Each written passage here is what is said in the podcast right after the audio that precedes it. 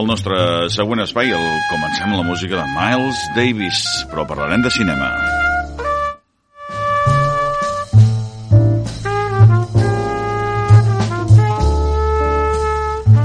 Som afortunats aquesta setmana perquè tenim bona música i bon cinema i a més a més m'encanta poder dir que igual l'Àlex em porta la contrària però per mi el meu actor preferit de sempre és en, en, el que li deien en Gaire Gran la gent més gran de l'època. En Gary Gran és un dels, de les meves icones en el món del cinema. Àlex Cebollero, bon dia, benvingut.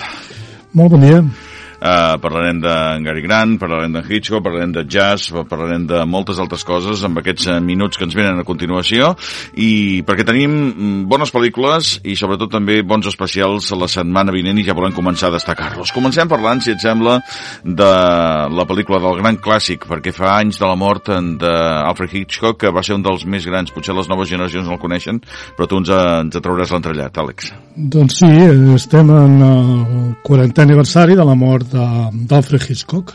Uh Mhm. -huh. Per tant, vull dir, això mai és bo celebrar la mort de ningú, però vull dir, és bo aprofitar aquestes efemèrides per doncs, recordar eh, els grans del cinema, en aquest cas eh, Hitchcock. És curiós perquè aquest any eh, Hitchcock eh, està present, estarà present dos vegades, ha estat present ja una vegada en la programació d'estiu, en els clàssics de l'estiu, i va estar amb Encadenados, curiosament també amb en Cary Grant de protagonista, i ara ho serà diumenge amb aquestes sessions especials dedicades a recordar l'Alfred Hitchcock amb la reestrena, amb tots els honors de la versió restaurada de Con la muerte en los talones, una de les grans, grans pel·lícules, de les moltes grans pel·lícules de Hitchcock. Aquella de, de, de l'escena en el qual a Gary Grant el perseguia un avió, no? Una avioneta, una fumigadora. Molt bé. Està allà esperant i passa una i diu vostè, i diu, oi, per allà darrere, diu, passa una, una, una avioneta que està fumigant on no, on no hi ha cap camp. I això ja et dona a entendre que alguna cosa ha de passar. Alguna, alguna cosa passa, no? Bé. alguna cosa ha de passar, no? va dissimulant, la furgoneta, ai, la, l'avioneta va dissimulant, saps? Escolta, Àlex, per les noves generacions, eh, qui era en eh, Alfred Hitchcock? Hitchcock, el Hitchcock és, bueno, ha passat a la història com el mestre del suspens, un dels grans realitzadors de la història del cinema, pel meu gust eh, a nivell personal, dels més preferits eh, per quan la, la seva gran filmografia, extensa filmografia a, a la Gran Bretanya, on, eh, era nascut, eh, i als Estats Units, no? Eh, no sé si repassem, trobaríem possiblement 15 o 20 pel·lícules eh, que han passat a la història del cinema eh, i, que, i que aquí continuen i que el, pràcticament el 100% d'elles són perfectament vigents avui en dia. És una de les grans eh, qualitats del cinema de Hitchcock, que és que en les seves pel·lícules, vistes 40, 50 anys després, continuen sent interessants, eh, distretes, i continuen sent eh, vàlides en els seus plantejaments. Val a dir que Hitchcock no escrivia cap pel·lícula, o sigui, ara que tothom, els directors són autors i tota aquesta història mm. de fa molts anys, eh, Hitchcock mai, mai va escriure cap... Eh, no escrivia els guions, no era el guionista de les pel·lícules. Les pel·lícules els escrivia uns altres, moltes estaven basades a, en novel·les, a, com Rebeca, per exemple, i d'altres eren escrites per guionistes de cine sobre altres idees, sobre altres novel·les, sobre eh, idees generals que, que sortien i Hitchcock era la persona encarregada de posar-les en escena, de fer les pel·lícules. Uh -huh. És curiós, és curiós. És el, diguem, és el, el director, un dels directors més famosos de la història del cinema que no és autor de les seves pel·lícules en quant a l'argument i en quant al guió, sinó a la seva realització. El gran mèrit és la realització, la manera que feia les pel·lícules, la tria dels actors, els moments aquests d'intriga, de, de suspens, els minuts humorístics que n'hi han, perquè en aquesta Con la muerte de los talones és és una de les pel·lícules més interessants de Hitchcock, però a la vegada més lleugera, perquè hi ha moments certament distrets, divertits. Ell ho diu a la, a la presentació de, de l'estrena, quan es va estrenar la pel·lícula, la pel·lícula és de l'any 59, quan es va estrenar i va fer un tràiler,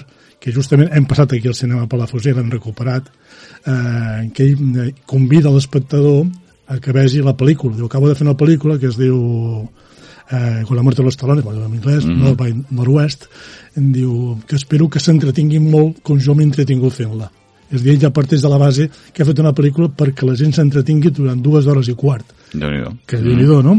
I realment t'entretens, perquè la pel·lícula és entretingutíssima. És una de les pel·lícules que té més acció de les que ha fet en Hitchcock les que té també més tocs d'humor. Hi ha alguns personatges, a part d'en Gary Grant, que és un gran actor, en tots, en tots els, les facetes de la interpretació. Sí, però també li donava aquest toc de, de comèdia, de, un toc de, de, comèdia de fantàstic, en molt Gary. Grant. Hi ha un Mm. personatge que és el de la mare de, del personatge, de la mare d'en Gary Grant, que curiosament es porten set anys a la vida real els actors, Mhm. perquè en Gary Grant ja era molt gran com va fer la pel·lícula, curiosament la triu, la la Jessie Royce Landis, que fa de mare d'en Gary Grant, li portava a la vida real set anys només de diferència.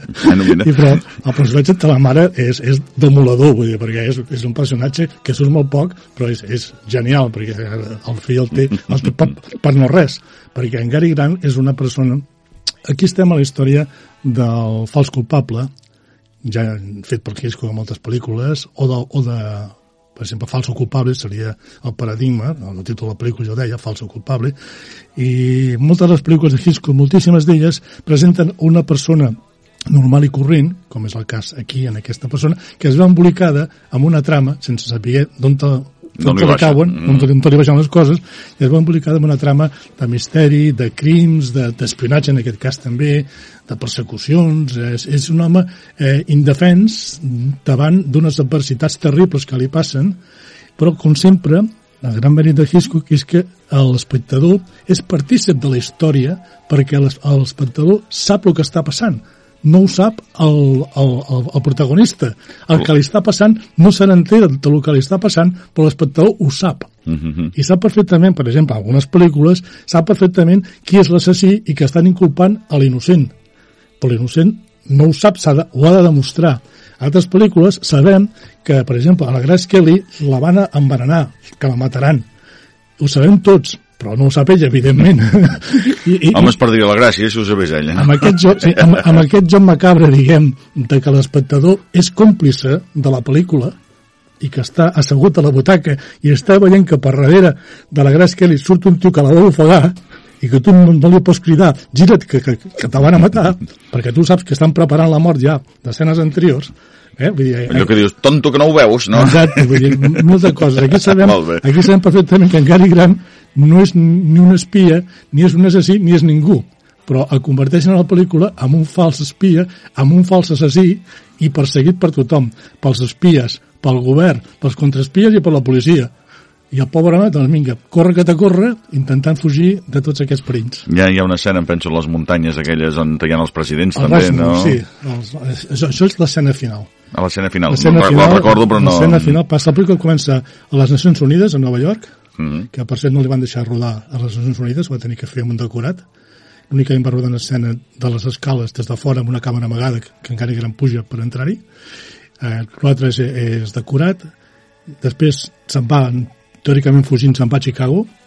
Mhm. Després hi ha l'escena de la Veneta famosa. Dura 7 minuts l'escena de Veneta i no hi ha una sola paraula. Tot és música i acció.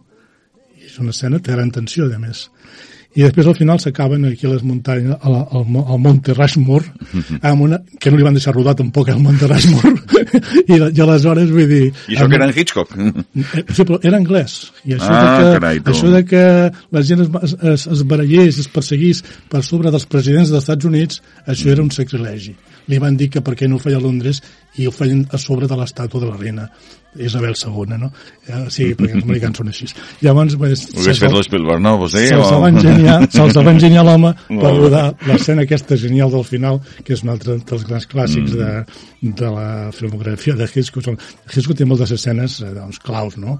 La de la cortina, per exemple, de psicosis, de, de l'assassinat, no? Vull dir, de, aquest és clàssic. Els ocells eh, perseguint el Tippi Hendren, els pàjaros, eh, la que te deia, la, la que volen escanyar a la, a la Grace Kelly, eh, l'altre que puja amb el vas de llet envenenat a les casques negres foscor d'altra pel·lícula, vull dir, totes aquestes escenes són escenes que si els empalméssim una, una darrere l'altra, podria faríem una pel·lícula d'una hora i mitja d'escenes genials del cinema. La Rebeca, vull dir, les escenes de la Rebeca, pobra, eh, bueno, unes quantes que al cap, no? Vull dir, però n'hi ha moltíssimes més. La cançó final de L'hombre que sabia demasiado, amb la Doris Day cantant allà quan també s'està desenvolupant al final de la pel·lícula de l'hombre que sabia demasiado al, Marre, a, al Marroc, a Marrakeix, que passa. Eh, bueno, hi ha moltíssimes. Aquí no pararíem mai de, de parlar d'això. Has dit que era una edició restaurada, no?, d'aquesta pel·lícula. Restaurada i si, si afegeixen escenes o això no? No, no, no ho sé, no... perquè aquesta versió no l'he vista. No l'he vist. He vist una restaurada, eh, que està editada, que en principi jo crec que no, jo crec que, que és la versió íntegra. El que sí he notat, curiosament, és que la versió anglesa hi ha diàlegs, a la versió espanyola hi ha diàlegs canviats de la versió anglesa. En el trailer anglès... Per, la censura o no? No sé, és una cosa, no, tonteries de l'època, no, evidentment. Mm -hmm. eh, a l'escena, per exemple, al trailer anglès, a la, al moment en què Gary Grant s'amaga eh, amb, un, amb, amb un tren, amb, amb una d'això, un cotxe cama, diguem, per entendre, no? Mm -hmm. la llitera està amagat, llavors entra la noia, i quan obre la, la llitera, Gary Grant surt per allà perquè estava amagat allà, hi ha una, un diàleg picant, diguem, no? Perquè ell, ell li diu en anglès, diu... Eh, diu ara no sé com va, però ell, ell insinua que si puja a la llitera sabrà el que és bo. Eh? Però diu amb un, to, amb un to picant. En canvi, el diàleg espanyol és totalment diferent. També és, és irònic una mica, una mica això, però té res a veure quan ella li diu i si pujo sabràs el que és bo. Eh? I li diu en anglès, una cosa així. Eh? I, I llavors, però aquí ho, ho, ho han de simular una mica. A part d'això, jo crec que no. Eh, la Mary Sant és la protagonista. Eh? Mm -hmm. Aquesta, la Mary Sant, una altra rossa, apuntar al catàleg de rosses de, d'en Hitchcock, eh, que l'havia vista a l'Alè del Silencio, i li va agradar, com sempre, ell, ell sempre tenia tres o quatre rosses a punt per fer les pel·lícules, no se'ls anava triant. En aquest cas, li van fallar les que tenia previstes, se'n tria la Grace Kelly, perquè ja, ja s'havia casat amb el, amb el príncep, amb el príncep Renero, Renero de, de de Monaco uh -huh. i llavors ja va agafar aquesta noia, que aquesta noia dona uh, un paper, uh, dona un, un perfil seductor impressionant realment curiós. I, és clar, Gary Grant era, era un gran, un, un galant del cinema, no? Aquí era gran, eh? Ja, ja tenia una certa edat, eh? I, però, bueno, el Gary Grant està divertidíssim, està molt bé, i ella li dona un to picant, vull dir, el personatge, certament interessant. Curiosament, el, el segons he llegit, no sé si és, ho he llegit només, no puc assegurar-ho, eh, el vestuari de, de la noia, de la Maria Sant, la va triar personalment en Hitchcock perquè els que li van portar del departament de vestuari eh? no li va agradar i se'n van amb ella i, i que va comprar els vestits per la pel·lícula.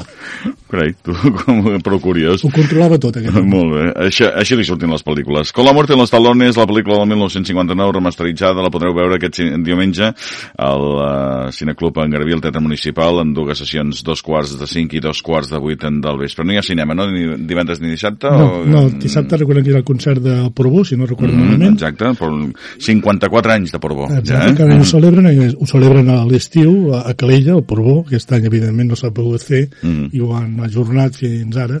I el, divendres, el divendres penso que hi ha alguna cosa, ara no sí. tinc present. Mm. Uh, ho veurem. Uh, abans hem escoltat una mica de música, deixeu-me recordar-la, perquè és la de Miles Davis. I ara passem a la setmana vinent. Ja en parlarem amb el seu moment, però avui en parlem una mica més. Aquesta era la música que escoltàvem amb... Uh, francès seria La nit als camps elisis, més o menys la traducció de la peça de Miles Davis.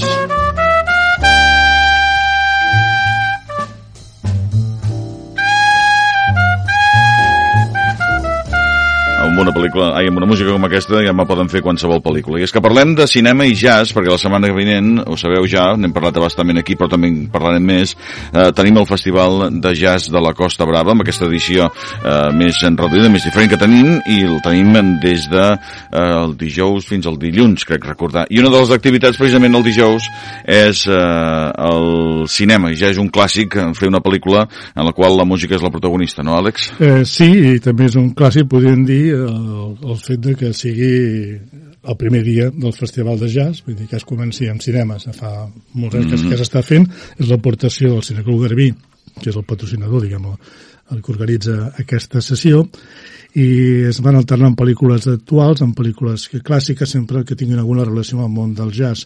És difícil trobar de, després de tants anys pel·lícules, però sempre cada any sempre diem el mateix. Abans de començar diem no sabem aquest any quina farem, no tenim ni idea i al, al final sempre trobem alguna cosa i aquest any, eh, que fa temps que la volíem fer, hem trobat una versió remasteritzada, restaurada de l'ascensor per al Caldalso, l'ascensor per l'Ixafú que és el títol francès. Això fos el cadalso. Que bé que parles el francès, Àlex. No, escolta, bueno, això, Ah, no, no, tens aquí apuntat, eh? No, l'he xafaut, l'he xafaut, eh? La xafogueta, L'he o com es diu. Uh, què és Alce Senor para el Cadalso? Doncs uh, sembla, sembla algú que han condemnat a mort, Eh, no? no, no, és, eh, El Cadalso no és allà on els penjaven? El cadalso és on els pengen, sí, els penjaven o els, eh, els executaven, diguem. Eh, encara que ho fan, eh, malauradament, encara es fa. Eh, doncs eh, és una pel·lícula de cinema negre. El cinema negre és, és, és un gènere, és un gènere mm, col·lateral, podríem dir, amb la intriga d'en Hitchcock, però és una intriga és una altra cosa. Eh, El cinema negre és el cinema negre, no? I el cinema negre eh, eh, americà té una, una vessant inclús a, a, a, jo diria anterior també amb el cinema negre francès, la, el cinema noir, el cinema negre, que així eh, li diuen els francesos també. El cinema negre, eh, una de les mostres importants és aquest ascensor per a cadalso del Louis Mal. És una pel·lícula que nosaltres aquí relacionem amb el món del jazz perquè la banda sonora la va fer um, Mal Davis, expressament, o sigui, és una banda sonora eh, com, composada expressament per, per acompanyar la, aquesta pel·lícula. Mal Davis la va fer després de que s'acabés la pel·lícula, perquè la pel·lícula, eh, si la música no té protagonisme dins de la pel·lícula, sinó la, la música acompanya la pel·lícula. Va dins la pel·lícula, però podria haver qualsevol altra pel·lícula, qualsevol, qualsevol altra música d'aquesta pel·lícula. Però amb el Davis eh, se'n va anar a París, amb un estudi, va veure la pel·lícula, ja acabada, o, o l'anava veient com l'anaven fent, no sé, i amb el seu, amb el seu conjunt, que són, és, un quintet, el que hi ha, tota la música és semblant, eh? vull dir, és això, eh? vull dir, és la, la trompeta i un acompanyament amb un baix, amb un piano, amb una bateria, eh? Vull dir, són cinc músiques en total. Sí, ara les, veig que les, les tinc aquí, perquè les tinc a la meva carpeta del, del programa de jazz, i precisament hi surten aquesta nit sobre els Camps Elisers, assassinat, motel, final, són diferents temes Exacte, de, de al moments final, sí. puntuals. Al final, Al final final són- òbviament, és, és el principi, no? Sí, al principi, sí, sí, a més, no, no, al final és, és la part final que, eh, diguem que és continuació de la part inicial dels títols de crèdit, no? Val. I, Mm. que és poder la part més coneguda d'aquesta música que va acompanyant la pel·lícula ressaltant els moments eh, àlgids de la pel·lícula. La pel·lícula va sobre un intent d'assassinat. Aquest és l'assassinat, eh? Aquest és l'assassinat. Oh, doncs l'assassinen amb un bon ritme, no? Bueno, d'això que l'assassinen ja en parlarem. Ah, bueno, no ho sé, doncs. No, no, no, no, des, no desvetllem res de la trama. No fem No, avançaments. és, mo- és molt fàcil. És, és un, un home que treballa és una, una, una mena de secretari personal per d'un empresari. Però aquest home, eh, aquest home està, està liat amb la dona de l'empresari. Malament. Ui, mal rotllo. En Maurice Roné és aquest, aquest home, que és un excombatent de la guerra indoxina, que treballa per un home, empresari, important, eh, que està casat amb una noia que és la Jean Moreau, la- l'actriu. Llavors, els dos amants, per entendre'ns, planifiquen l'assassinat del marit de manera que sembli un suïcidi. Mm. Eh, el plantejament, el crimen perfecto, que diria Hitchcock, un altre títol de la pel·lícula. Però ja en parlarem si serà perfecte o no, perquè la cosa s'embolicarà una miqueta. Molt bé, doncs aquesta és la, la proposta que des del Cineclub Garbí i col·laboració amb el Festival de Jazz Costa Brava ens aportaran dijous, si no recordo malament. Sí, va ser la primera pel·lícula de Louis Mal, per- perdona, Mm. la primera pel·lícula en solitari, inici d'una llarguíssima i f- fantàstica carrera a França i als Estats Units també, però Mm-hmm. una mica menys. Va ser la gran eclosió de la Jean Moreau, la gran actriu francesa, també inici d'una llarga filmografia fantàstica, a Maurice Roné, que ja era una mica més conegut, i el Nino Ventura, que fa el paper dur de la pel·lícula, eh, un especialista del cinema noir, igual que en Jean Gabin, que aquí no surt, però que són els grans policies, inspectors, vull dir, fent d'aquestes trames que sempre es mouen al voltant d'aquestes pel·lícules. Cinema Negre a França va donar molt, molt de sí en, en molta època, almenys alguna vegada també n'ha- n'havíem parlat. Sí, o, per exemple, Jean-Pierre Melville, que és més, més contemporani, encara que ja és molt antic, és un dels meus grans, eh, diguem, ídols dels, del cinema noir francès. Molt bé, doncs dijous, dia 8, a partir de les 10 de la nit, aquest Ascensor para el Cadalso, aquesta pel·lícula que ens arribava amb la música de Miles Davis, que l'hem escoltat, Ascensor per la Chafó, que ha dit ell més o menys, eh, amb Més o aquest menys, eh, més o menys, sí. Eh, Això, aquesta és gratuïta, francès eh? en penja. Sí. Rafael, aquesta sessió és gratuïta. La És dels- gratuïta? La, dels, la del Festival de Jazz és gratuïta. Mm, molt bé. Doncs eh, ho tenim en compte. Eh, que serà gratuïta, però no només volies parlar d'això, sinó que ja amb els darrers instants d'aquesta xerrada me volies parlar també d'una altra pel·lícula, no? Sí, no, un breu punt, que si cas en parlarem la setmana que ve, si teniu el, el, això de convidar-me, molt de gust eh, estarem aquí. Eh, la Bienal de Fotografia Siem i Saracs també està ja pràcticament acabant, acaba, penso que el dia, el dia 11 d'octubre, si no recordo malament, i el dia 9, també una altra col·laboració del Cineclub Garbí, en aquest cas amb la Bienal, presentarem el documental Azul Siquier, documental espanyol de Felipe Vega que repassa la vida i l'obra d'un fotògraf espanyol important, eh, Carlos Pérez Siquier, andalús. Eh, és una, una figura clau de, de la fotografia dels anys 50, 60, aproximadament, eh? 70. Llavors, eh, Felipe Vega va fer un documental sobre la seva vida, sobre la seva obra, i nosaltres el projectarem també en sessió gratuïta el divendres dia 9 a les 10 de la nit. Molt bé, doncs és una bona ocasió també de veure aquest eh, documental entre mig de, de totes les uh, pel·lícules que uh, dijous que ve, si tot va com ha d'anar, uh, l'Àlex ens vindrà a parlar perquè també hi haurà pel·lícules aquell cap de setmana, aprofitant també uh, que tenim el, el pont llarg, diríem, fins al 12 d'octubre, que recordem que cau en, en dilluns i és festiu. Penso que la pel·lícula es diu La diosa fortuna, si no està equivocat o no heu canviat, perquè en no, aquest no, temps també se sap que... En principi, La diosa fortuna, estrenada, no, estrenada no, me penso que s'estrenarà demà, eh, a l'11 i el 12, serà? Mm. 11 i 12, diumenge i dilluns. Mm -hmm. Molt bé, doncs en parlem la setmana que ve. Moltes gràcies, Àlex. Uh, bona sort amb la mort amb els, uh, els talons sí. aquest uh, diumenge i ens veiem dijous que ve per parlar d'aquestes uh, dues pel·lícules. Donarem un altre repàs uh, amb la pel·lícula del Festival de Jazz, amb aquest de la Bienal Miseracs i després uh, me parlaràs d'aquesta Diosa Fortuna, la Diosa Fortuna, la pel·lícula del proper cap de setmana. Àlex, moltes gràcies. A vosaltres. Una abraçada. Bon dia. Adéu, bon dia.